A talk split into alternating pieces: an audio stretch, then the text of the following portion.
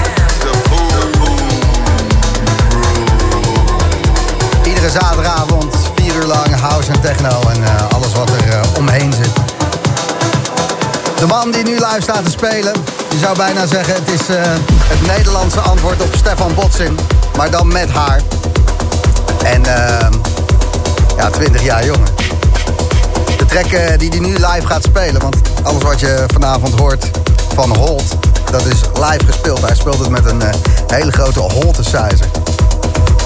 En Helos die komt er nu aan. En dat is toch wel een track die door heel veel mensen is opgepikt. En ook ontzettend goede plaat. We hebben hem uh, vaker gespeeld hier in de Boomroom.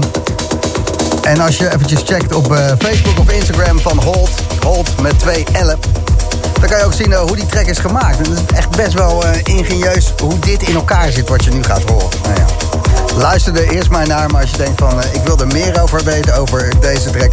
Helos, um, hoe zit dat in elkaar? Hoe speelt hij dat? Best wel vette video uh, als je een beetje wil nerden. Je vindt het op uh, Facebook van Holt en zijn Instagram. Holt met twee L. Het is de Boomroom bij Slam. Iedere zaterdagavond gaan.